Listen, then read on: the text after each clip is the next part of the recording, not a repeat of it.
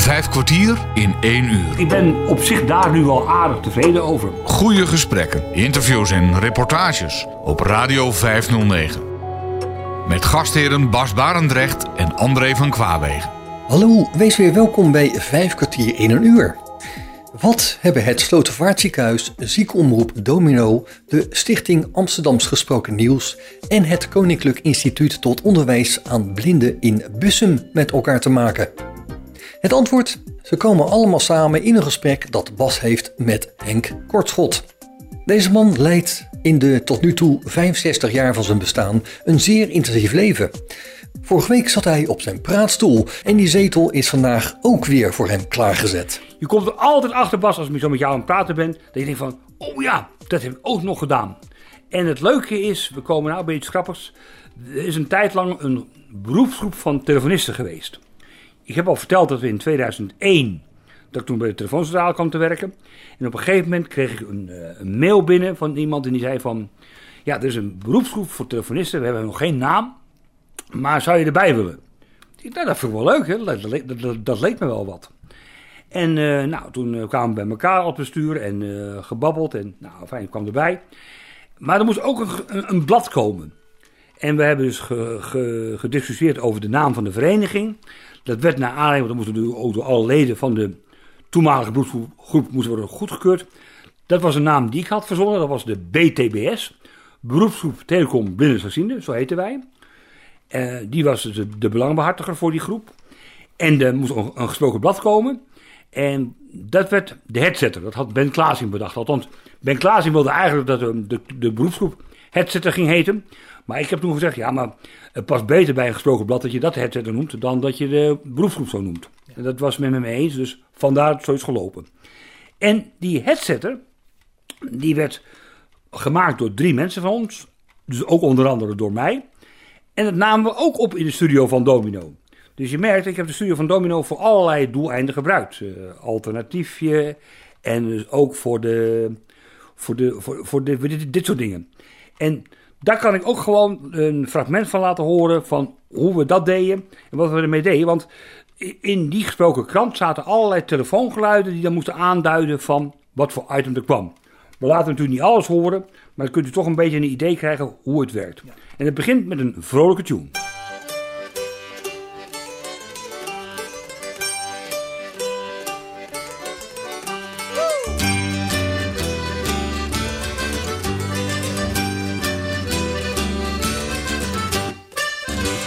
Welkom bij de Headsetter. Deze keer van juni 2003, nummer 3. Waarin we de rubriek Centrale hebben. En die is heel belangrijk, want voor sommige mensen zou dit wel eens het laatste nummer van de Headsetter kunnen zijn die ze automatisch krijgen. Voorts krijgen we de rubriek in gesprek met. En dat zal worden met de voorsteller van Beb van Houwelingen. We gaan natuurlijk eens kijken bij de telefoongids, want die is nog steeds moeilijk toegankelijk voor blinden en slechtzienden. En we praten ook met iemand, een nieuw lid van onze vereniging, die de telefoon de deur uit heeft gedaan. Nou, ook wel heel apart dat je gewoon je telefoon de deur uit doet. Hoe dat wordt, dat is al een behoorlijke verrassing. En voor de rest zo alles wat er ter tafel komt. Het blad wordt gemaakt door Henk Halfwerk en Karin Martens, die er vandaag niet zijn. Maar onze telefonische communicatie is uitstekend geweest. De techniek wordt verzorgd door Nico Til. En mijn naam is Henk Kortschot en u zult mij dus geregeld horen hier op de Headsetter. En met dit geluid gaan wij even een terugblik doen op 11 januari 2003. In het begin van het jaar, we hadden dus zeer goede voornemens, hebben we namelijk een gebruikersgroep bijeenkomst georganiseerd. Wie deze kiestoon niet meer zal horen is Jan van Ekeren, want hij deed zijn vaste telefoon de deur uit. Hij is lid geworden van de BTBS omdat hij vroeger telefonist is geweest. Zo, zoals ik al zei, de rubriek in gesprek met. En er wordt met Beb van Houweringen. Beb, hallo. Hallo Henk. Welkom bij ons op de headsetter. En dit noodsignaal gebruiken we vanwege weer een probleem wat we hebben. dezelfde periode. Oh, dat kan. Wat deed je daar? En- Zo komen Ja, we terecht bij de rubriek Centrale. Ehm, in de tijd van de blindenwereld, het is wel een mooi verhaal eigenlijk wat je daar eh, vraagt over, want ik dan Dave, dus eh, dan praat je eigenlijk over na het Blindeninstituut. De eerste paar jaar wilde ik eigenlijk met geen blindenorganisatie meer mee te maken hebben. Ik had er helemaal genoeg van, met name ook na de bibliotheek. Had ik echt dat ik dacht van, nee, daar moet ik niks mee. Maar ik had niet het gevoel van dat ik bepaalde blinde vrienden wilde laten liggen. Daar ging het me niet om. Het ging me niet om de personen, maar het ging me om organisaties. En eh, dat sprak me allemaal voor geen meter aan. Dus ik heb me dus ook gestort op de ziekenomroep, dat, dat vertelde ik al. Maar, eh, nou goed, op een gegeven moment werd ik gebeld door Willem Nissing uiteindelijk. Moet je nagaan, dat heeft nog een hele tijd geduurd hoor. Ik geloof dat ik een jaar of tien er helemaal niets aan heb gedaan. En toen kwam, nee, ik moet wel goed zeggen, een jaar of tien heb ik geen moer aan gedaan. En toen kwam Ronald Polderman, die benaderde mij van Henk, zou jij niet willen gaan zitten in het bestuur van Amsterdam op de band? Dat was een blad wat toen op bestond. Een regioblad eigenlijk. Ja, van de van. Amsterdam. Dat, was gemaakt dat werd gemaakt op de bibliotheek Molenpad 2.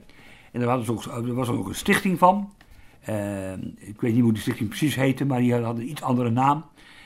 En die stichting bestond toen nog. En daar werd ik dan bestuurslid van. Dat heb, heb ik gedaan, omdat ik dat wel leuk vond. Informatie verzamelen. Althans, ik hoefde alleen maar in het bestuur te zitten. Ik had met de opnames weinig te maken, maar ja, dat, dat was gewoon noodzakelijk. Er moesten een paar blinden in het bestuur zitten. Ik heb met Ronald samen een poosje gedaan. Alleen toen ging ehm, Amsterdam op de band, moest gaan stoppen. Want het was namelijk zo dat de graven, althans die hadden de subsidies veranderd. En dat betekent dat er geen geld meer kwam voor Amsterdam op de band. Dat ging helemaal stoppen. En ja, eh, ja hoe moet het dan verder met, met, die stichting? Nou, die stichting is opgeheven en toen kwam Willem Nissing op het idee om eh, een nieuwe stichting op te richten. De stichting SAGN, die bestaat nog steeds. Stichting Amsterdams Gesproken Nieuws, zo heet die stichting. En eh, die moest dan een, een blad gaan maken. En toen belde Willem Nissing me op van... Henk, zou je dat... eh, zou jij, jij, hebt een studio, je bent inmiddels voorzitter van de ziekenomroep. Zou jij dat niet eh, willen gaan oppakken? Ik zei, ja, dat vind ik wel een goed idee. Ik, Dat vond je ook een goed idee. ja, ja. En dus dat heb ik toen de tijd opgepakt samen met Willem Nissing en Ronald Polderman. Dat was in 1992. Althans, in 1991 is het plan geboren. En in 1992 hebben we dat als het ware echt vormgegeven. Dus het alternatiefje bestaat nu ook al 40 jaar. 2022 leven we nu. Ja. En daarbij heb ik ook toen nog, ook wel door Ronald gekomen, heb ik ook nog een tijdje in de, in de ledenraad gezeten. Als afgevaardigd van Amsterdam. Ja. Niet heel lang, maar wel een paar jaar heb ik dat ook gedaan. Ook in diezelfde periode. ja, bij de NVBS was dat Ja. inmiddels geworden, hè? Ja, ja dat klopt. Dat was NVBS inmiddels geworden. En voor, dus dat is eigenlijk, het, het, het- dit, dit heb ik gedaan. En het alternatiefje heeft me eigenlijk weer wat dichter bij de blindenwereld gebracht om daar meer voor te gaan doen. Radio 509. En wat heb je daar al zo voor gedaan, voor het alternatiefje? Oh jee, dat is gigantisch veel. Ja, Ik bedoel, dat weet ik. Daarom vraag ik het ook. Ja, dat is eh, 40 jaar. Eh, daar heb ik ballonvaarten voor gemaakt. Ik heb ehm, eh, ballonvaarten gemaakt. Ik heb zelfs met een zweefvliegtuig gezeten. Naar allerlei mensen toe geweest eh, die iets bijzonders hadden. Ik heb bijvoorbeeld opnames gemaakt. Er was ik op een gegeven moment in de meervaart een beurs. Dat was heel bijzonder. Er was een beurs was daar. En daar, daar, daar konden blinden laten zien wat ze allemaal deden als hobby. En eh, had je allerlei mensen die allerlei dingen ha- op uitgesteld hadden. Bijvoorbeeld, eh, ik weet nog wel dat ehm, Peter Doren, die had een eigen draaiorgeltje gebouwd. Een kleintje, weliswaar, maar hij had die wel gebouwd. Met hulp van, maar toch wel zelf een beetje gemaakt. Onder andere. En meer mensen stonden daar. En ik kom daar binnen, ik zal het nooit vergeten. En ik ga dus interviews maken. Hé hey Henk, wat leuk dat je er nou eens een keertje bent hier op de beurs. Wat geweldig. Ik werd door alle mensen aangesproken. Ik voelde me als het ware een soort van bekende Nederlander. Ja. Dat was heel apart was dat. Ik heb natuurlijk een vrij herkenbare stem. En dat betekent dat ik dus echt een hele apart... ja, een heel, heel, dus ik kreeg allerlei reacties. Dat vond ik wel zo ontzettend leuk. Dus ik heb de opnames gemaakt. En eh, dus ook daar ben ik geweest. En ja, we, we hebben natuurlijk wel moeten proberen om dingen voor blinden te bedenken die dan eh, voor blinden interessant waren. En toen we ermee begonnen, ik zal het je ook gewoon maar vertellen, denk ik dat krijgen we nooit voor elkaar. Althans, niet lang. Ik had gedacht, dat lukt ons maar een jaar of zo. Of twee jaar is mijn part wat. Nou, ehm, ik heb het volledig misgehad. Want toen we ook overgingen van eh, cassettes naar cd's, naar Daisy, dachten we ook van, oh, dan gaan we heel veel luisteraars missen. Het is minder geworden. Ik heb gezegd, als we onder de 35 komen, 35 exemplaren, hou ik ermee op met alternatiefje, want daar is me te veel werk voor. Maar het is niet gebeurd. We, we zaten op eh, ongeveer 300. Het is nu al iets gezakt overigens. Maar waar het om gaat is dat we hebben daar eh, lol in ge- gekregen. En eh, nou ja, Ronald, Willem, Ronald Polderman, Willem Niesing en ik zijn begonnen. En daar is later Dick van der Maat bijgekomen. En eh, nog wat, later Wolter Kramer heeft een poosje meegedraaid. Elise van Ginkel heeft een poosje meegedraaid. Gerda Schudderboom heeft een poosje meegedraaid. En ze hebben een aantal verschillende mensen hebben meegedraaid. En nou ja, Ronald, die is op een gegeven moment naar het schild verhuisd. Dus laat ik zo zeggen, eh, Bruno is daarvoor in de plaats gekomen. Dick van der Maat is er nog steeds bij. En dan hebben we ook Zita de Hoog. Dat is een, eh, ook een eh, lid van de NVB's. Zij is slechtziend. Op later leeftijd slecht- slechtziend geworden. Dus vroeger nog goed kunnen zien, maar is later minder geworden. En die hebben we er ook bij. Dus ja, met, het, met dat clubje doen we het samen. Ja, en je, je komt echt wel op verschillende plaatsen. En ja, maar niet alleen voor het alternatief heb ik allerlei dingen gedaan. Ook voor de ziekenomroep heb ik ook eh, allerlei dingen gedaan. Eh, althans, eh, ben ik, die, ik heb die dagen georganiseerd. Maar ook hebben we eens optredens van een orkest gehad voor een middagje wat, ik- wat, wat ik had georganiseerd. En welk orkest? Dat kan ik je wel laten horen, want ik heb daar een aankondigingsding van. Ik ben de orkestnaam nu even vergeten. Het is een vrij onbekend or- orkest, maar in ieder geval, daar hebben we opnames voor gemaakt. Daar hebben we een heel althans een hele middag van gemaakt. Ja. Dat gaan we ook wel laten horen in, de, in, het, in, dit, in dit gesprek. Want het is wel heel leuk om welke nummer van te laten horen. Met de eigen aankondiging erbij en met mijn aankondiging erbij. Gezellig dat u er nog steeds bent. Van nieuwe mensen aangeschoven. U luistert naar het dansorkest van de Douane Harmonie Nederland. Wij komen even uit het hele land hier gezellig muziek voor u maken. En we gaan een nummer spelen voor u van de Dolly Dots. Nog wel weer bekend, pas weer bij elkaar gekomen. Die oude vertrouwde meidengroepen. Hey Ladi Ladilo. Hey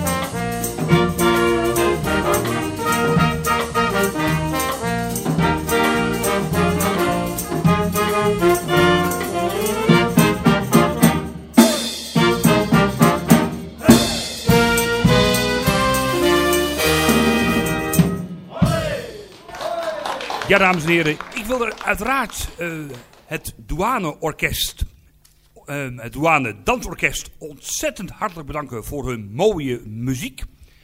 En dat is allemaal mogelijk gemaakt door onder andere de PR, dus de, de promotie van het Slovaat De heer Roy Buizen die heeft gezorgd dat dit allemaal mogelijk was.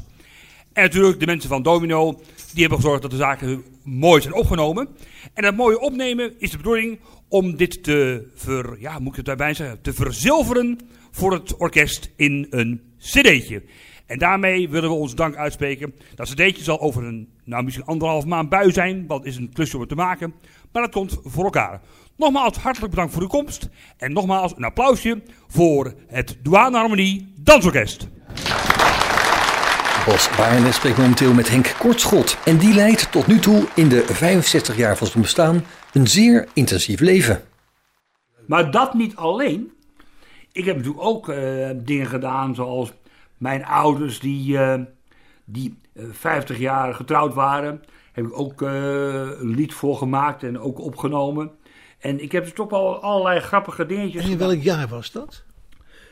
En dan moet ik even, dat, kan, dat kan ik wel uitrekenen. Ehm, want ik was een moedertje, dus eh, laat ik zeggen, ehm, ik ben nu 65, dus ah, eh, in mei, in, in mei van dit jaar, moet ja, moet er even goed zeggen, dus ik ben geboren in 56. Eh, dus ik wil zeggen oktober 56 ge- geboren. En mijn ouders zijn op 15 mei 56 getrouwd. Oké. Dus dan kun je het ongeveer nagaan hoe, dat, hoe, dat, hoe, dat, hoe dat ligt. Ja. Dus, eh, dus, dus, nu zo'n 15 jaar geleden eigenlijk. Hè. Ik ben nu 65, dus 15 jaar geleden waren mijn ouders 50 jaar getrouwd. En ehm, daar heb ik toen ook een, ehm, ook een opname van gemaakt. Ook een best wel heel apart, eh, met veel lol erbij. Dan kun je me ook nog achterhoeks horen spreken. Is misschien ook wel erg leuk om dat, eh, om dat eens te horen. Goedenavond allemaal! Eh, ja, kijk, in het plat gaat een stuk beter. Dat wist ik van tevoren wel. En eh, ja, wie hebt eh, speciaal Parma een speciaal trio opgericht in opdracht van de familie. Dat is een beetje bijzonder. Een bijzonder trio. Het heet Doko. Gespeld D-O-K-O. Betekenis Dolle Kostgod. En Dolle Kostgod, ja, het is een beetje, dat geeft een feestvreugde aan van leven. En eh, wie weet dat hij ook geniet van het leven en dat hij voor, van een feestje houdt. Wat, wil ik? Gisteren Mac-kampioen, vandaag een feest. Het is joh, wie gaat een keer als een beest? Ja! Nou, dan gaan we hier aan de gangen. Wie gaat het maar proberen? Eh, wie heeft een lied gemaakt? Dat lied mag wel rond worden gedeeld op de geel papier. Ik hoop dat het al onderwijl gebeurt. Bram, het introotje en wie gaat gewoon proberen. Wie wacht op Bram?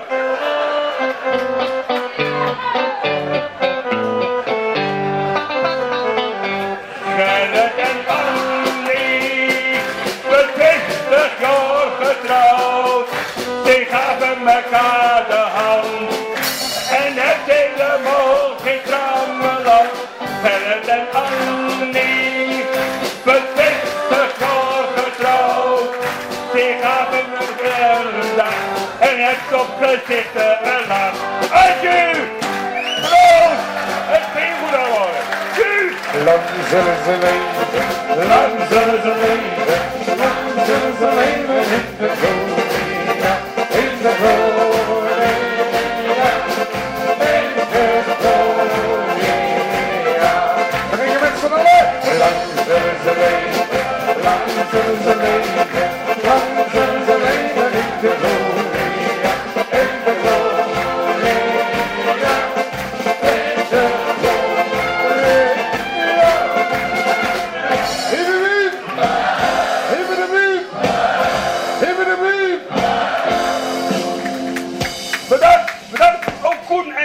want die heeft heel hard gewerkt afgelopen weekend.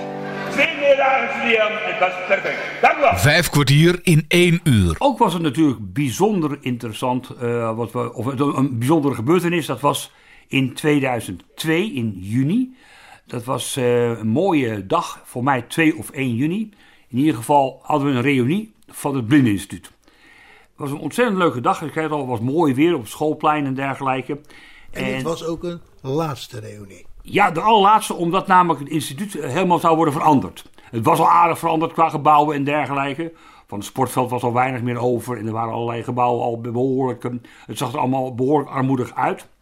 Maar er gingen meer gebouwen tegen de vlakte. En toen was er toch een initiatief genomen om dan toch een, een reunie te organiseren door een aantal oud-leerlingen. Wat is ondersteund door het instituut toen de tijd. En eh, Nico van Waver was een van de organisatoren. En op de een of andere manier heeft hij mij benaderd. Hij zegt: Henk, eh, ik zou zo graag opnames willen hebben van die reunie. Maar ja, hij had geen opnameapparatuur, althans geen portable opnameapparatuur. Toen heb ik eh, hem mijn minidisc-speler, want toen werkten we allemaal met minidisc in plaats van met, met, een, eh, met een digitaal opnameapparaat. Ik heb hem mijn minidisc gegeven, zodat hij daarmee kon gaan opnemen. En ik heb zelf een, een, een, een minidisc van de ziekenomroep geleend. En op die manier hadden we dan twee eh, opnameapparaten waarmee we dus beide apart rondliepen. Nico van Waveren en ik. En ik heb toen onder andere mijn oude kleuterjuf, juffrouw Slappendelf, geïnterviewd. Heel bijzonder om dat mee te maken. En dat interview, dat zou ik toch wel eventjes willen laten horen. Het is niet overdreven lang en wel een eh, prachtig gesprek. U was mijn eh kleuterlijster, hè? Ja, Noem, noemen ze dat zo? Nou, toen was het kleuterlijster, inmiddels niet meer. Maar daar zullen we het niet over hebben hoe het allemaal is gaan heten. Maar ik was wel je eerste juf. Wat ik zo grappig vind, ik weet niet of ik het mag zeggen, maar u bent eh, nog maar 62. Nou, Ik- nog maar. Nou ja, ik vind het wel heel grappig, want ik dacht van nou, mensen die ik ontmoet eh, uit mijn jeugd, die zullen wel stukken ouder 100, zijn. 100 stapje 80, minstens. ja, Ja, 80. ja. Nee, maar dat komt omdat ik natuurlijk, kijk, een kleuterjuf is meestal niet een van de oudste. ik was 18 toen ik begon en toen jij bij mij in de groep kwam was ik 20. Dus dat was natuurlijk nog wel heel jong. Eh, Wat ik nog zo herinner, de watertafel. Ja, lekker. Nou, dat vond je ook heerlijk. Lekker splenzen. En wat, ja. ik, wat ik leuk vond, met name als u daar schuim in deed. Als ik daar schuim in deed. Ja, dat kan ik me goed, Oh, goed ja, herinneren. Weet, weet u dat nog? Nou, dat kan ik me eigenlijk zelf niet meer zo goed herinneren. Maar dat, eh, dat sprak dus aan. Nou, waar, waar u schuim, schuim vandaan haalde, dat, dat weet ik uiteraard niet, maar dat vond ik Dat zal wel geweldig. bad schuim geweest zijn, hè? Ik Rook het ook lekker? Dat weet ik niet meer. Dat weet je niet. Nee, nee. Maar dat is mij, wat, wat, mij is bijgebleven van de watertafel. Ja. En, eh, En het klimrek, want daar kon je ook nog wel eens in hangen, toch? Ja, en, en wat me nu ook eens herinner, en dat komt ook omdat ik er nog een foto van heb, maar ehm, jij speelde ook graag in die, in die poppenhoek. Wij- mijn man had een huis gemaakt. Ja, poppenhuis. Ja, poppenhuis, daar kon je echt in. Er waren deurtjes en ramen en daar kon jij ook heel lang eh, met de deurtjes open, raampjes open. Dat vond je ook, er zaten gordijntjes in en dan door de gordijntjes kijken, dat vond je ook altijd eh, heel boeiend geloof ik. Want daar heb, ik, je- daar heb je veel in gespeeld. Dat klopt, ik vond het echt Ja. eh, geweldig. Ja. En ik weet ook niet meer, eh, had u ook de koekelslok? Eh zegt u nog wat, koekelslok of niet meer? Nee, dat is misschien wel een andere periode Ja, geweest. ja, dat weet ik niet. Nee. Maar ik moet zeggen, het was een, ja, dat zijn dan de dingen die je dan zo weer even ophaalt.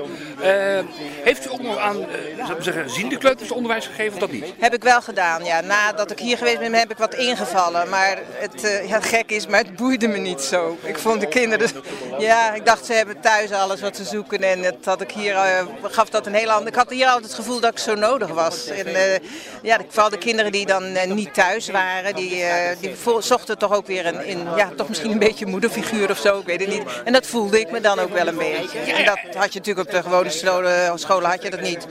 Maar ik heb dat nog wel een poosje gedaan, maar niet zo lang. En nog een, je kunt dus wel een wezenlijk verschil noemen dan tussen blinde kleuters en ziende kleuters. Dat zal je dan Nou, de kleuters op zich verschilden niet echt. Het waren kleuters en ze hadden streken of ze waren lief of ze waren vervelend. En dat was overal wel hetzelfde. Maar ik had vaak meer met, eh, met de blinde kleuters, nou ja, wat ik zeg, het gevoel van... eh, ze waren meestal ook zo van huis uit en je had, ze hadden je zo nodig. En dat, eh, vooral met kleuters, die moesten hun plek nog zo vinden. En je kon ze echt zoveel nieuwe dingen leren. Ik, ik heb heel veel tijd besteed aan het leren van wat is onder en boven. Hè, door jullie onder de tafel te laten zitten en op de tafel. En hè, dat soort begrippen allemaal. Het, het groot en klein, dingetjes laten voelen die je dus eh, in de natuur... Ik was heel veel, want ik weet niet of je dat herinnert, heel veel aan het wandelen met jullie altijd. ja, klopt. We gingen veel naar buiten. En dan eh, ja, de- de- bij de bomen. Hier, je zat natuurlijk zo in het bos. En eh, ja, dat is iets toch wel heel anders dan wat je dat met ziende kinderen hebt. andere band ook hoor, want we hadden natuurlijk een heel klein groepje altijd. Dus je had een heel intensieve band met de kinderen. Ja, ja. Want het grappige is ook dat, ja, ik was ook als, als blind kind, ging alleen met de vakanties naar huis. Ja, Dat was ook heel bijzonder op Nou. zich. Dus eh, niet meer bij je ouders. nee. Nou, je Verstappen, nou, ik vind het leuk dat we elkaar hebben gesproken. En ik wil u hartelijk bedanken voor het gesprekje. Nou, graag gedaan. Vijf kwartier in één uur. Bas Barendrecht spreekt met Henk Kortschot. Je hoorde zojuist dat hij in 2002 opnames had gemaakt van een reunie van het Blindeninstituut, waar hij ook zijn oude kleuterjuf tegenkwam. Opnames maken zijn overigens ook belangrijke sleutelwoorden in het leven van Henk. Op Radio 509. En wat natuurlijk ook bijzonder is, denk ik, eh, als je dan praat over dingen die ik dan gedaan heb, is dat ik in 2008 samen met Sylvia en eh, twee vriendinnen van Sylvia, Dat is jouw vriendin. ja, Sylvia van Juun is mijn vriendin, ja, klopt. Dat ik samen met Sylvia in 2008 z- zijn we naar Zwitserland geweest. Hebben we tien dagen Zwitserland. Heb ik leuke, daar heb ik ook leuke opnames van. En, en eh, gewoon samen weg? Of, eh, Nou, met z'n vieren zijn we weggegaan, met z'n vieren uiteraard. Want eh, je had gewoon, ja, voor de begeleiding, maar je hebt wel begeleiding nodig natuurlijk als je in de bergen loopt. En eh, ja, daar hebben we ook bijzondere dingen voor, voor gedaan. Dat is ook, ook echt eh, heel leuk geweest. En natuurlijk moet ik niet vergeten, want het is ook wel goed om vooruit te vertellen. Begin 90 jaren, we hadden de fax in het ziekenhuis. En ik ben ook begonnen met het eh, introduceren van verslagen tikken op de PC. Dus daar heb ik ook een heel projectje van gemaakt. ja, want waar heb je de opleiding gevolgd? Voor de PC of heb je dat zelf eh, geleerd? Nee, dat, je, je kreeg toen nog eh, cursus. ehm, als je eenmaal een leesregel aan zou schaffen, althans voor het werk, dan kreeg je er ook een cursus bij. En die cursus kreeg ik bij gewoon van Alfa, zou ik maar zeggen. Oké. Die hebben me de wegwijs gemaakt. En verder heb ik heel veel geleerd van onder andere Bruno Berghout, want die had echt een speciale opleiding gevolgd eh, in Ermelo over computers. Dus die had er veel meer aan gedaan dan ik. Eh, ik heb het nooit van echte opleiding moeten hebben. Meer van horen zeggen. En natuurlijk wel wat cursussen. Want op een gegeven moment werd ook in het ziekenhuis een cursus Word Perfect georganiseerd. Dus daar was ik ook wel bij betrokken. Dus wel cursussen, maar niet een specifieke opleiding in een bepaald centrum. Ehm, alles door eh, horen zeggen. En ook ehm, vallen en opstaan eh, dingen geleerd, zou ik zeggen. Ja. En- Maar dat ga ik je nu buitengewoon goed af. Ja, daar mag ik niet over klagen. Ik moet wel bij zeggen dat ik geen website-fan ben. Maar dat komt alleen maar omdat websites elke keer veranderen. Ja. Ik heb een hekel aan het feit dat websites elke keer wijzigen. Dus er zijn eh, blinde mensen die veel handiger zijn op websites dan ik. Dat moet ik er gewoon maar bij zeggen. Maar het komt omweg. Ik heb daar geen lol in om elke keer opnieuw te gaan uitzoeken hoe, hoe iets weer werkt. Als ik een website eh, aanspreek of een ding wil gaan doen, dan wil ik dat gewoon dat het op dat moment werkt. Dan moet ik niet eerst weer een poosje bezig zijn om te kijken wat er nu weer is veranderd. Hoe het, hoe het werkt. Exact. En dat, dat is wat ik. eh, dat is eigenlijk wat, wat mijn drempel zo hoog maakt van websites en dergelijke. Ja. Dus ja, dat, dat is wat ik dus doe. En dan heb ik ook, eh, dat is misschien ook wel toch wel even leuk om te melden, dat ik ook beschik over handige hulpmiddelen waarmee je een moderne telefoon kunt besturen. Eh te weten de Hable One en de Rivo. Ja. Ik weet niet of je die apparaten kent. Ja, die kennen we. Ja. Ja, die ken je ook. Nee, goed. Dat, eh, en daar, ik moet bijzeggen, de uitvinding van die beide apparaten brengt ook het gebruik van een mobiele telefoon, voor, ook voor de minder handige blinden, eh, dichterbij. Ja, misschien dat je er toch iets over zeggen kunt. Jazeker. Ja, ik kan er heel veel, ik kan er heel veel over zeggen. Ehm, de Hable One is een kastje waarmee men eh, heeft gekeken van hoe werkt nou eigenlijk een blinde. Dus eh, met het kastje kun je over door de menustructuren heen lopen en kun je menustructuren openen. Maar je kunt ook heel makkelijk tikken via de gewone normale braille invoer. Dus eh, via braille kun je berichten typ- typen of anderszins dingen doen. En dat kan met Hebel heel handig. De Rivo daarentegen heeft ook diezelfde, is een apparaat met meerdere knopjes, heeft ook de coördinatiemogelijkheden. Alleen, dan moet je gaan typen volgens het ziende schrift. Dus eh, zoals vroeger de sms'en werden gedaan hè, bij mijn telefoon. Van onder de 2 zit ABC, onder de C zit DEF enzovoort. Ja, ik vind het een, een vorm van enige armoede, moet ik zeggen. Ik vind het niks, nee, maar goed, dat is, dat is een persoonlijke. Ik, bedoel, ik vind het ook niks. Ik, bedoel, ik gebruik liever dan, dan bijvoorbeeld de hebel daarvoor. Ja. Maar het gaat er even om. Maar wat die Rivo wel weer heeft, die heeft een aparte telefoonstandfunctie. Dat betekent als je maar, als je maar eens koppelt aan je mobiele telefoon, dan kan je gewoon met de Rivo telefoneren als een gewone telefoon.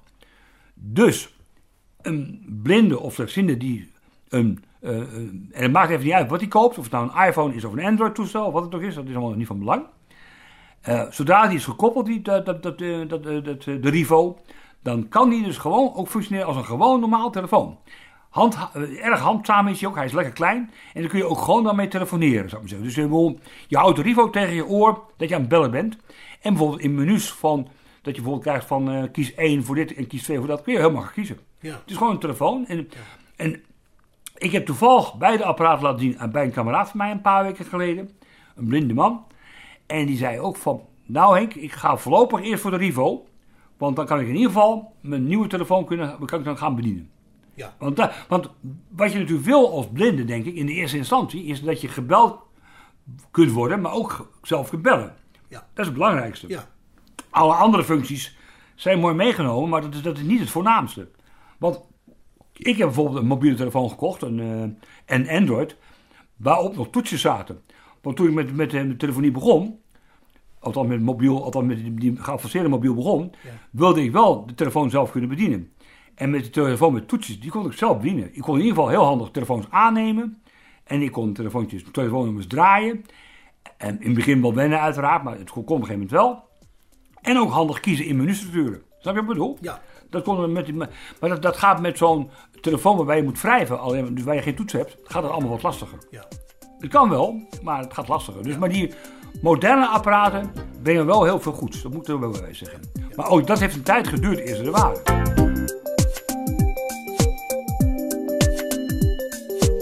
Radio 509. Dus jij bent niet afkerig van moderne apparatuur.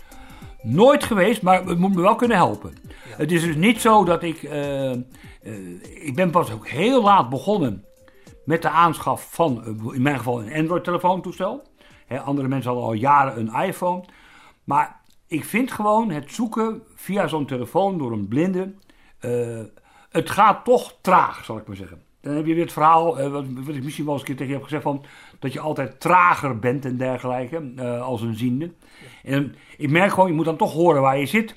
En ik wil gewoon iets in kunnen drukken en dat ik dan zeg van plop, dan kom ik in een, in een bepaald menu terecht. Snap je wat ik bedoel? Ja. En dat is het verschil. Dus het, het moet mij wat brengen. Alleen, ik heb eh, een tijd lang ook nog, eh, voordat ik die, eh, de Blackberry met toetsjes had, er was er ook nog een speciale Doro. Die was trouwens heel erg mooi gemaakt. Dat was een Do- toestel- Doro, ja. Ja. Het merk Doro, ja. ja, maar die had een toestel uitgebracht. Waarbij een heel raamwerk was gebouwd over, de, over, de, over het scherm van zo'n mobiele telefoon, zou ik maar zeggen. En dan kon je gewoon eh, nummers intoetsen. Je kon heel handig e-mails lezen. Of ook zelfs e-mails maken. Gewoon op de manier met tikken met je telefoon. eh, als een ouderwetse telefoon. Ja. Eh, maar alleen die werd niet meer geüpdate. Dat is jammer. Dus dat is verleden tijd. Kon ook niet meer over naar het G4-netwerk en dergelijke. Dus kortom, ik was gedwongen om toch wel weer wat anders te nemen. Maar laat ik zeggen, ik ben op zich daar nu wel aardig tevreden over. En misschien is het wel goed dat ik ook nog even vertel. Want het Grootvaartziekenhuis was natuurlijk wel mijn ziekenhuis, hè, wat, wat, eh, waar, waar ik eh, gewerkt heb. Natuurlijk. Het was, want ik, de ziekenomroep was daar. Ik heb jarenlang ook nooit internet thuis gehad. Want ik heb deed alles van het, eh, op de computer in het ziekenhuis. Ging ik extra vroeg naar het ziekenhuis toe. Was ik vaak van morgens zes tot 's avonds een uurtje of negen. En dan kon ik onder andere ook om te werken natuurlijk. Ja, dat is ook het voordeel van een ziekenhuis. Dat is altijd open. Exact. Dus dat heb ik, dat heb ik heel erg eh, benut.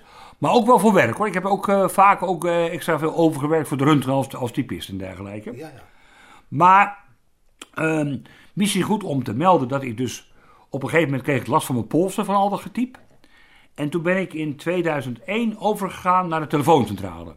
Dus ben ik telefonist geworden. In 2001. Ja. Dus kun je nagaan, ik heb het heel lang volgehouden. Eh, het duurde lang eer het allemaal was gerealiseerd. Want ja, de, ook in het ziekenhuis gaat alles traag. En eh, in het begin zeiden ze dat de DOS en Windows niet samen zou kunnen werken. Nou, achteraf bleek het wel te kunnen. Maar kortom, hoop gedoe. Maar in 2001 heb ik de baan als telefonist eh, te pakken gekregen. En dat was natuurlijk heel leuk, want ik kende dus alle namen van huisartsen al. En dat kon ik ook laten merken aan de telefoon ook, want ik heb wel een telefooncursus gevolgd. En dan zeiden ze ook, laat merken dat je mensen he- herkent. Neem altijd aan met je eigen naam erbij, dus de instelling, maar ook je eigen naam. En laat vooral aan mensen merken dat, dat, dat je ze kent. En huisartsen kon ik laten merken. Dus huisartsen waren enorm blij met mij, omdat ik eh, ze al herkende. Maar niet alleen dat, ik kon ze ook goed doorverbinden. Ja. Het leuke was, ik ben op een gegeven moment gehuldigd. Toen, toen ik ook eh, bijna 25 jaar in dienst was, werd ik gehuldigd. eh, of geridderd, zal ik maar zeggen. Dan kreeg zo'n zo'n lintje kreeg je dan. Dat is iemand aangedragen. Dus ik, ik spreek nu ook tegen een ridder. eh. Ja, eh, lid in mijn geval. Ik ben lid van de. Maar waar het om gaat is. eh, ik kreeg dat, die, die, die oorkonde en het was een receptie. En toen vertelde de toenmalige PR-medewerker, die zei van... We hebben een enquête gehouden en ehm, toen hebben we ook een vraag gesteld... Wat is het bijzondere van ons ziekenhuis? En toen hadden we een aantal huisartsen ingevuld. Bij het Slovaat ziekenhuis hebben ze Henk. Want die vindt alle mensen die we, die we nodig hebben. En dat is natuurlijk grappig. Ja, Ja, ja, want een huisarts die weet dus vaak niet wie die moet hebben. Nee. En eh, dan moet je toch, en moet je toch weer zoeken of dat de arts niet te bereiken is. En zorg dat de arts aan de huisarts gaat bellen. Dat deed ik allemaal. Ja. Dus dat, eh, dat was erg leuk. En mijn... eh, Maar was je de enige telefonist? Nee, nou, ik was wel degene die het meeste de- aan telefonie deed. Want de, de anderen hadden allemaal een functie gecombineerd met receptie. Ja. Dus we hadden, je had eigenlijk anderhalve telefonist. Ik en nog een eh, andere helft. En als ik op vakantie was, moest er ook eentje van de receptie nog helemaal zich aan de telefoon verdiepen. Ja, ja. Want dan, dan, dan, hadden ze, dan hadden ze even een punt. Ja. Dus, dus dat, dat, dat, dat was altijd zo. Maar eh, ik nam volgens mijn chef, zoals ik eh, was, zoals gezegd heb, dat ik gemiddeld ongeveer eh 90% van de telefoontjes nam ik aan. 90%. Ja, dat is veel. Dat is heel veel op het gebied van eh, telefonie. Dus eh, ja, ze hadden geen klagen.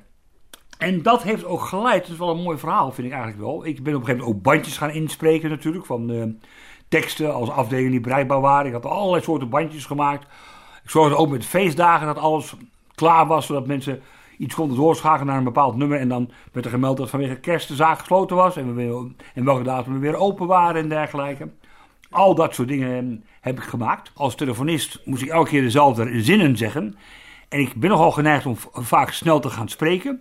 Dus had ik een paar cd'tjes waarop teksten stonden. En die kon met mijn voetpedaal kon ik die bedienen. Dus als de telefoon dan, eh, als er een lijntje binnenkwam, dan had ik de mogelijkheid dat ik een, een pedaaltje intrapte.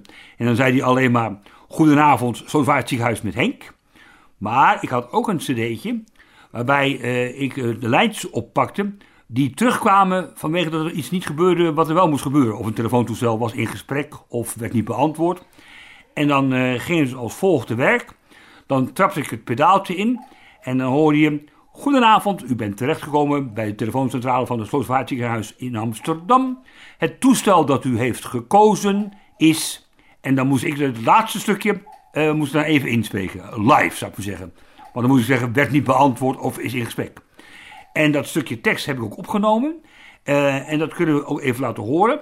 En dan mm, zal, zal ik, dus, eh, dan dan zal ik eh, de, de aanvulling eh, maken. Dus we laten nu een stukje tekst horen wat ik van tevoren heb gemaakt. En dan spreek ik er even kaal in wat ik dan als laatste moest zeggen. Goedenavond, u bent terechtgekomen bij de telefooncentrale van het Slotervaartziekenhuis met Henk. Het toestel dat u heeft gekozen is in gesprek. Goedenavond, u bent terechtgekomen bij de telefooncentrale van het Slotervaartziekenhuis met Henk. Het toestel dat u heeft gekozen wordt niet beantwoord. Dus dan, had ik, hem- dan ma- dan maakte ik als het ware die zin dus af.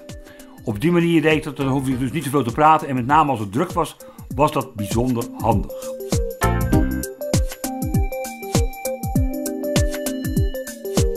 Voor vijf kwartier in een uur spreekt Bas Barendrecht met Henk Kortschot.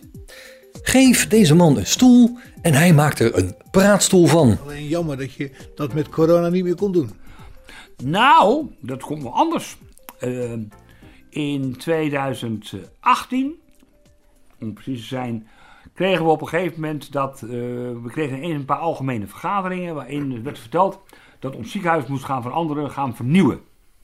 En daar was men druk mee bezig. En eh, ja, we moeten op een andere manier gaan werken. Moderner. eh, misschien wel wat meer met via eh, internet en met die moderne. Dat, we, dat de huisarts of dat de arts op afstand met patiënten kan gaan praten. Al, al die dingen die dus nu al zijn gekomen. Daar werd ook bij ons over gesproken.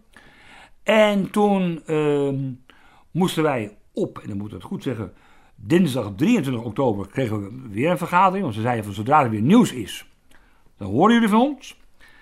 En eens op 23 oktober, 's morgens, hoorden we dat er een vergadering werd gepland. In twee groepen, van 1 van 12 tot 1 en 1 van 1 tot 2. En om half 12 werden wij als receptie en telefonie bij elkaar geroepen. En toen kregen wij te horen dat het ziekenhuis surgeons van betaling had aangevraagd. Dus 23 oktober 2018 kregen we horen dat ze surgeons hadden aangevraagd. Ik zeg, wat houdt het in? Nou ja, mag geen geld meer worden uitgegeven en dit en dat. Maar tussen 12 en 1 hoor je het officieel. Maar jullie moeten weten, we hebben een nieuwe persvoorlichter aangetrokken. De oude mag het niet meer doen. Eh, er komt nu een nieuwe persvoorlichter. Die, daar moeten jullie alles heen verwijzen. En waarom mocht die oude het niet doen? Eh, omdat de, de curatoren wilden dat, het gewoon, dat de informatie nu gewoon door hun kon worden gegeven via hun, hun PR-man. Ja. Dus de oude was uitgespeeld. En de nieuwe moest het allemaal gaan doen. En wij mochten de krant en zo niet te woord staan. Dat was onze opdracht. En we mochten er ook niet eerder over praten dan eh, in feite als iedereen het had gehoord. Dus eigenlijk na twee uur middags. Lukte dat? Eh, ja, ja, ja, ja, ja, want we hebben ons daar keurig aan gehouden. Alleen om 12 uur was groep 1 aan de beurt. Ja, je begrijpt toen groep 1 uit die vergadering vandaan kwam. Toen was natuurlijk Leiden al in last. Ja. Toen kregen wij, ik, ik zat bij de tweede groep, toen kregen wij het, het verhaal te horen. Nou ja. En ehm, toen was het zo van, eh, toen was het surgeons aangevraagd. En donderdag kwam er weer een vergadering. Dat was dus op donderdag 25 oktober 2018. Kregen we 's middags een grote vergadering in het restaurant.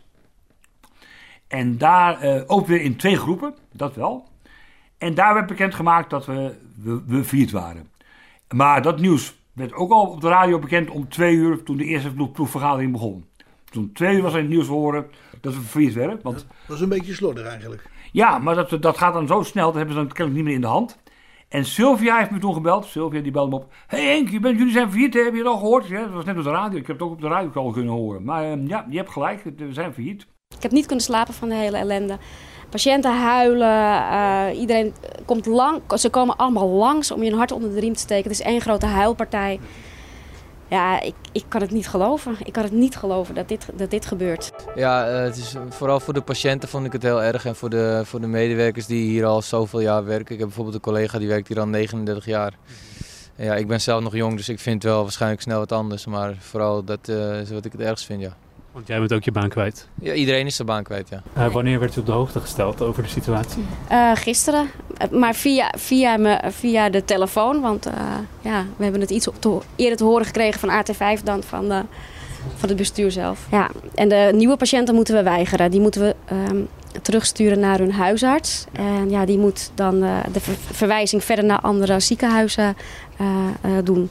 Maar goed, ik weet ook niet hoe het precies gaat met de dossiers. Hè. Die moeten opgevraagd worden, moeten ook doorgestuurd worden. Dus ja, de hele afhandeling is nog een beetje onduidelijk. Maar ik ga ervan uit dat ze uiteindelijk wel met een plan komen om dit gewoon zo goed mogelijk eh, te doen. Alleen dat had natuurlijk denk ik al klaar moeten liggen. Hè? Het had niet zomaar ad hoc eh, moeten gebeuren. Oh jee, hoe nu verder? Ik zeg, nog geen idee. Nou, dat vroeg Sylvia zich af, maar ook, mede, ook allerlei patiënten.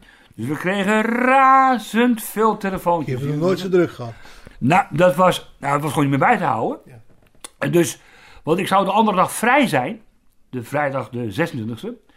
En eh, ze hebben me gevraagd om te blijven werken, want ze konden, ze konden, ze sowieso niet aan. Maar, maar met mij erbij konden ze het ook al niet aan. Hebben zelfs nog andere mensen erbij moeten hebben. Want ik eh, was, nou, die avond was ik al redelijk dolgedraaid van die paar uur maar. Want na tweeën was het enorm druk. kan ik me helemaal voorstellen. Maar vrijdag begon hetzelfde feest opnieuw. Toen hadden we morgens om 8 uur al 48 lijnen staan. 48 lijnen. Ja, en dat ging de hele dag door. Ik was werkelijk dolgedraaid. Ik heb gewoon een taxi naar huis genomen. Een gewoon normaal taxi om thuis te komen. Ik denk, ik ga niet meer lopen. Onverantwoord. Grote kans dat ik ofwel, eh, ofwel ergens over struikel of wat ook. Je duizelde gewoon. Dat was echt niet meer leuk. Nee, dat was echt een hele drukke periode. Ik werk er eh, nu dus, eh, 40 jaar precies. En het grappige is dat ik dus, eh, ja, ik ben nu officieel ontslagen. Beetje apart, hè? Ik ben, ik ben dus on- ontslagen, maar ik zit toch in het ziekenhuis. Want er moeten allerlei afrondende werkzaamheden gebeuren. Dus vandaar dat ik gewoon nog, ja, in feite aan het werk ben. Ze- In, in het ziekenhuis, ehm, de, de patiënten zijn naar andere ziekenhuizen overgebracht. Hè? Maar de polykliniek die is nog wel open. Tot 23 november. Tot en met 23 november. Eh, en dan gaat die ook dicht. Ja, maar dan blijft het ziekenhuis toch nog wel open. Niet zozeer om in te lopen, Nee. maar wel om afrondende werkzaamheden te doen. Want er moet nog heel veel gebeuren. Patiënten moeten hun dossiers krijgen. En als ze ze niet op zouden vragen, dan moeten ze wel bewaard worden. En dan moeten ze toch wel te weten komen waar ze, als ze het dossier nodig hebben, alsnog kunnen, eh, tot wie ze zich alsnog kunnen wenden. Ja, dus de- er zal nog wel de komende maanden zijn er nog wel mensen in het ziekenhuis actief voor allerlei eh, zaken te regelen en, eh, en, en af te ronden en weet ik veel wat allemaal. Het mooie is dat niemand weet hoe lang. Dus dat is ook grappig, dus niemand weet hoe lang. Maar het moet zo op een zo'n kort mogelijk termijn. Ja, ja, ja. En hoe kort het termijn wordt, ik zou het je niet kunnen zeggen. Hoe lang heeft dat, dat, dat, dat gedoe geduurd? Nou, daar, kom ik, daar, daar komen we nu op. Dat is een goede vraag. Want het mooie was, ja, eh, hoe, hoe gaat het dan nu verder? Dat moet worden afgebouwd. Dat, gaat natuurlijk een tijdje, gaat een tijdje duren. En toen moest er halverwege november, moesten al, moesten eigenlijk de meeste mensen moesten al weg. En er mochten nog maar een paar mensen blijven. De mensen van de beveiliging mochten blijven natuurlijk. Ja, dat was, dat was noodzakelijk. Er bleven wat mensen eh, van de poli. Die gingen dan in het archief werken om eh, al het hele archief bij te werken. En nog een paar andere mensen. En één man van telefonie, en dat was ik. Want ik was de enige die bandjes insprak. En eh, die ook Die al- moesten nou worden ingesproken. dat bedoel ik. En ook bij, niet, niet alleen dat, maar ook het feit dat ik gewoon eh, de telefonie van haven tot gort kende. Dus dat heb ik gedaan. Ik heb eh, in de eerste week van november, voordat iedereen wegging, heb ik nog een week vrijgenomen. Want ik denk, ja, straks kan ik natuurlijk een aantal maanden geen vrij nemen. Want het was toen gepland aanvankelijk dat ik zou blijven tot februari 2019. Dat was de planning. Daar had men het toen over. Ja, dus ik, eh, ik ging dat dus, eh, dus ik ben een week vrij geweest. En dan komt het bijzondere, ik kom terug en ik vroeg aan mijn chef, want die mocht ook nog blijven. Ik zeg, hoe is het gegaan de afgelopen week? Ze zei, alle dames van de receptie hebben tot en met de laatste dag ruzie gemaakt. Ruzie. Gewoon onrust, ellende. Mensen waren boos, mensen waren jaloers en eh, het was allemaal niks. Maar waar moesten ze dan jaloers op zijn? Nou, ze waren natuurlijk jaloers op de mensen die onder andere wel mochten blijven werken nog. Ja, onder andere, ja, dat, dat krijg je. Zodra wordt bepaald wie, wie er dan toch mag, mogen, mo- mogen blijven. Maar dat niet alleen, maar ook boos op de leidinggevende. Die zou meer hebben moeten doen. Ja, dat ze zeggen. Tot, we hebben tot laatst met ruzie gehad. En nou het mooie. Toen had je dus de kleine ploegje. Ik heb de beveiliging en ik. En al die maanden dat ik heb gezeten. Geen centje pijn, geen centje ruzie. Het liep allemaal uitstekend. Geen woord gevallen. Niks aan de hand. En uiteindelijk, want dat was zo halverwege januari, bleek dat we nog langer werk hadden. En toen zei ze van, eh, Henk, wil je nog blijven tot 1 april? Want eh, we hebben nog meer werk dan het wat was, dus we moeten nog even wat langer door. Was de directeur er toen nog? Nee, die is gelijk afgezet.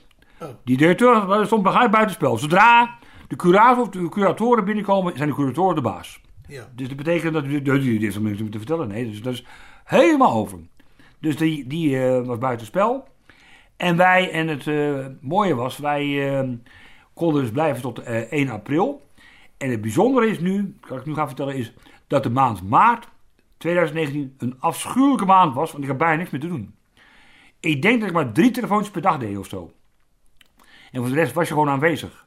Dus ik was razend blij dat het op een gegeven moment eind maart was. Dat, ik, eh, dat het weekend begon en dat ik niet meer terug hoefde. Toen was jij er klaar mee. Toen was, ja, da- daardoor natuurlijk. Als je geen moment te doen hebt, dan, dan, dan ben je er klaar mee. Het, het, het hele rompsompwerk heeft nog wel een paar jaar geduurd. Het, het, het- de eindelijke afwikkeling. Om en nabij de twee jaar. Dus dat is, dat is nog heel lang doorgegaan. Maar goed, hadden ze alweer geen telefonie meer hoor. Ik bedoel, op een gegeven moment is de telefoonstraal uit de lucht gehaald. En wa- waren mensen gewoon bereikbaar via mobiele telefoontjes en dergelijke. Dus, dus toen kreeg ze allemaal een hele andere wending.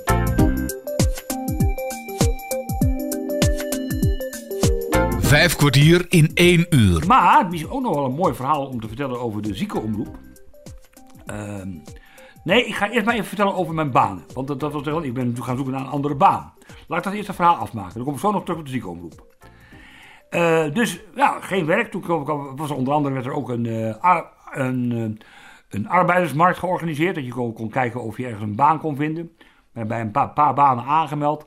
Al, er waren een stuk of drie, vier banen bij verschillende verpleeghuizen. Allemaal niet doorgegaan.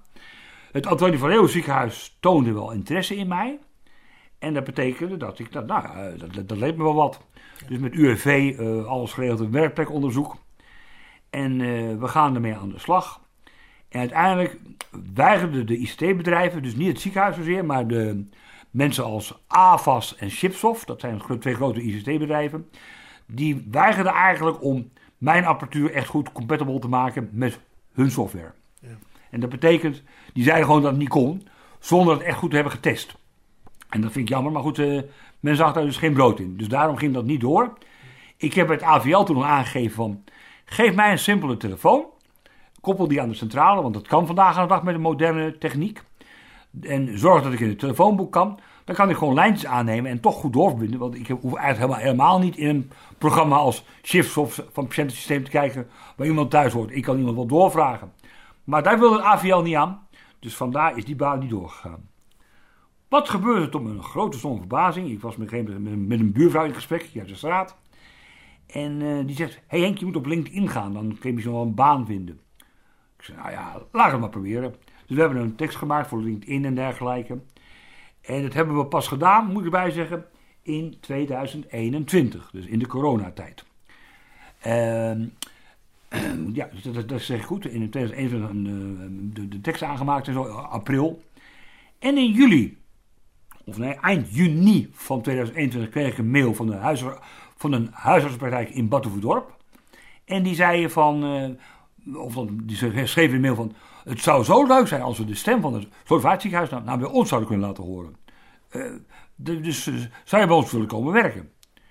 Ik zei nou, eh, of dat ik hem teruggemaild van, laten we even een gesprek plannen. Dus ik erheen voor een gesprek, ook nog in juli. Dat was vlak voor de bouwvak in het westen. En eh, gepraat. Nou, en eigenlijk zagen ze het allemaal zitten. De, oh, de artsen die erbij betrokken waren. En de assistenten en dergelijke. Iedereen zag het helemaal zitten. Nou, maar zei ze, dan gaan we ermee aan de slag na de vakantie. Ja, ja, dat vind ik logisch. Ik ga niet meer voor- net vlak voor de vakantie eh, daarmee beginnen. Want Een dan, circus optrekken. Nee. Na de vakantie.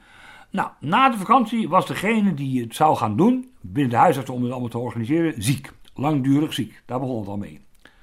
Dus eh, moest dat eh, de, de huisarts zelf aanvankelijk gaan doen om in ieder geval het contact te, te handhaven. Ik zei nou, we moeten eerst maar het UWV benaderen voor een werkplekonderzoek. Ik zeg, ik zal dat helemaal tot, tot me nemen. Ik zal de UWV benaderen en alles regelen. Nou, UWV eh, benaderd en dat kost ook wel wat tijd. En toen zei ze, ja, maar we willen toch wel een, eh, want bent bent u alvast aangenomen? Ik zei, nee, nog niet. Ja, zeg maar, we willen toch wel een, een intentieverklaring hebben dat ze, u, dat ze u willen hebben. Nou, die intentieverklaring is ook geschreven. Die was in medio november klaar. Dus dat was goed. Dus het werkplekonderzoek kon beginnen. En eh, ik had zelfs ook al keurig voor hun de formulieren in laten vullen. Die eigenlijk de, hu- de huisarts had moeten invullen om haar tijd te besparen. Dus ik had maximaal gedaan wat ik kon om de tijd te besparen.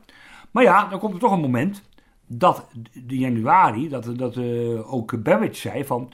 Ja, nu moeten we toch wel aan de slag gaan met jullie. Want nu moeten we precies weten hoe we alles moeten gaan aansluiten voor Henk. Snap ik. Want anders kan je dat niet eh, voor elkaar krijgen. Dus daar zou zich iemand mee moeten gaan belasten. Nou, en die reageerde al slecht op mails. En op een gegeven moment ehm, kreeg ik van de, van de huisarts een mail eind januari van... Ja Henk, we- we- we- we- helaas moeten we ermee kappen. Want wegens tijdgebrek kunnen we het toch niet eh, waarmaken. En dat betekent, eh, hoe jammer we het ook vinden...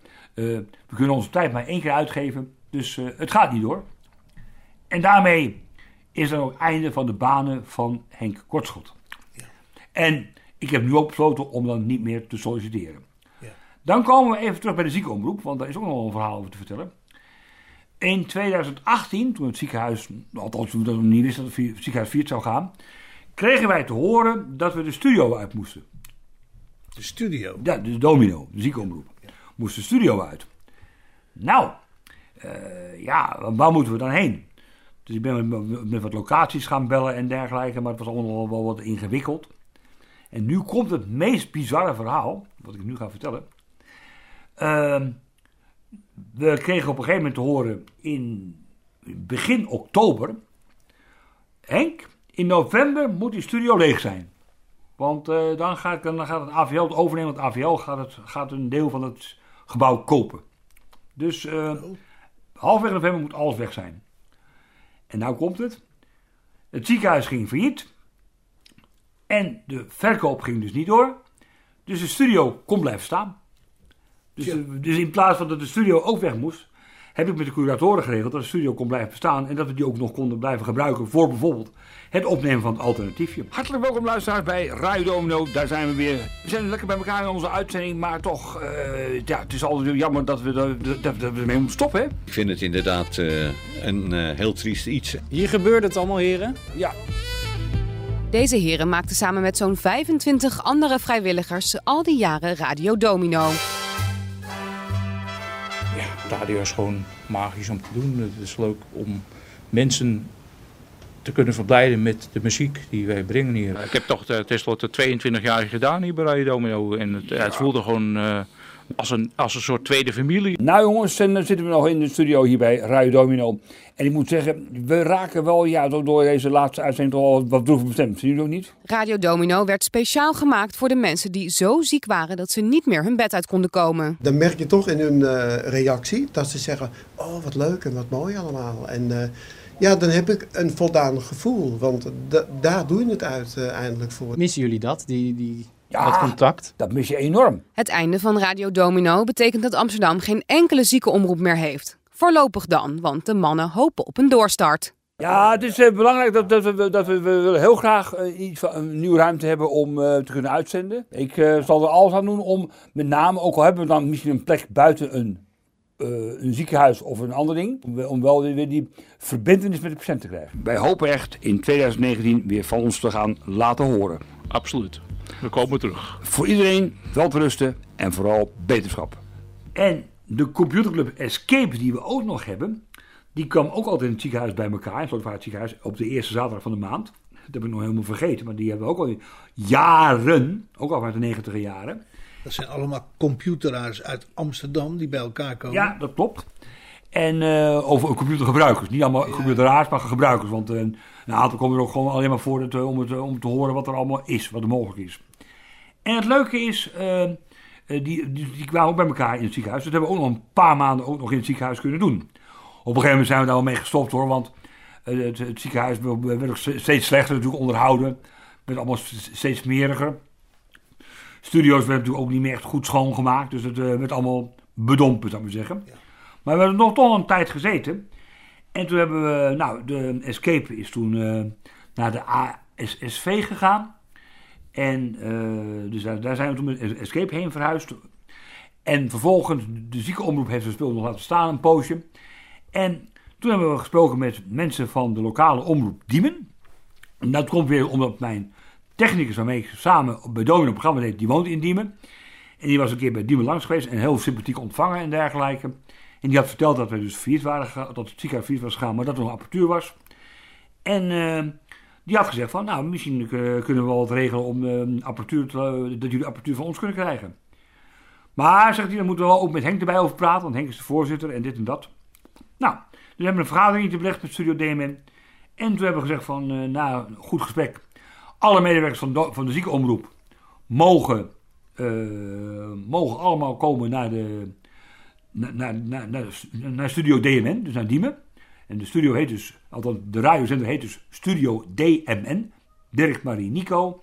Dat staat dan in feite voor de, de klinkers van, van, de, van, eh, van het alfabet. Hè. Dus DMN zonder de I en, de, en zonder de E.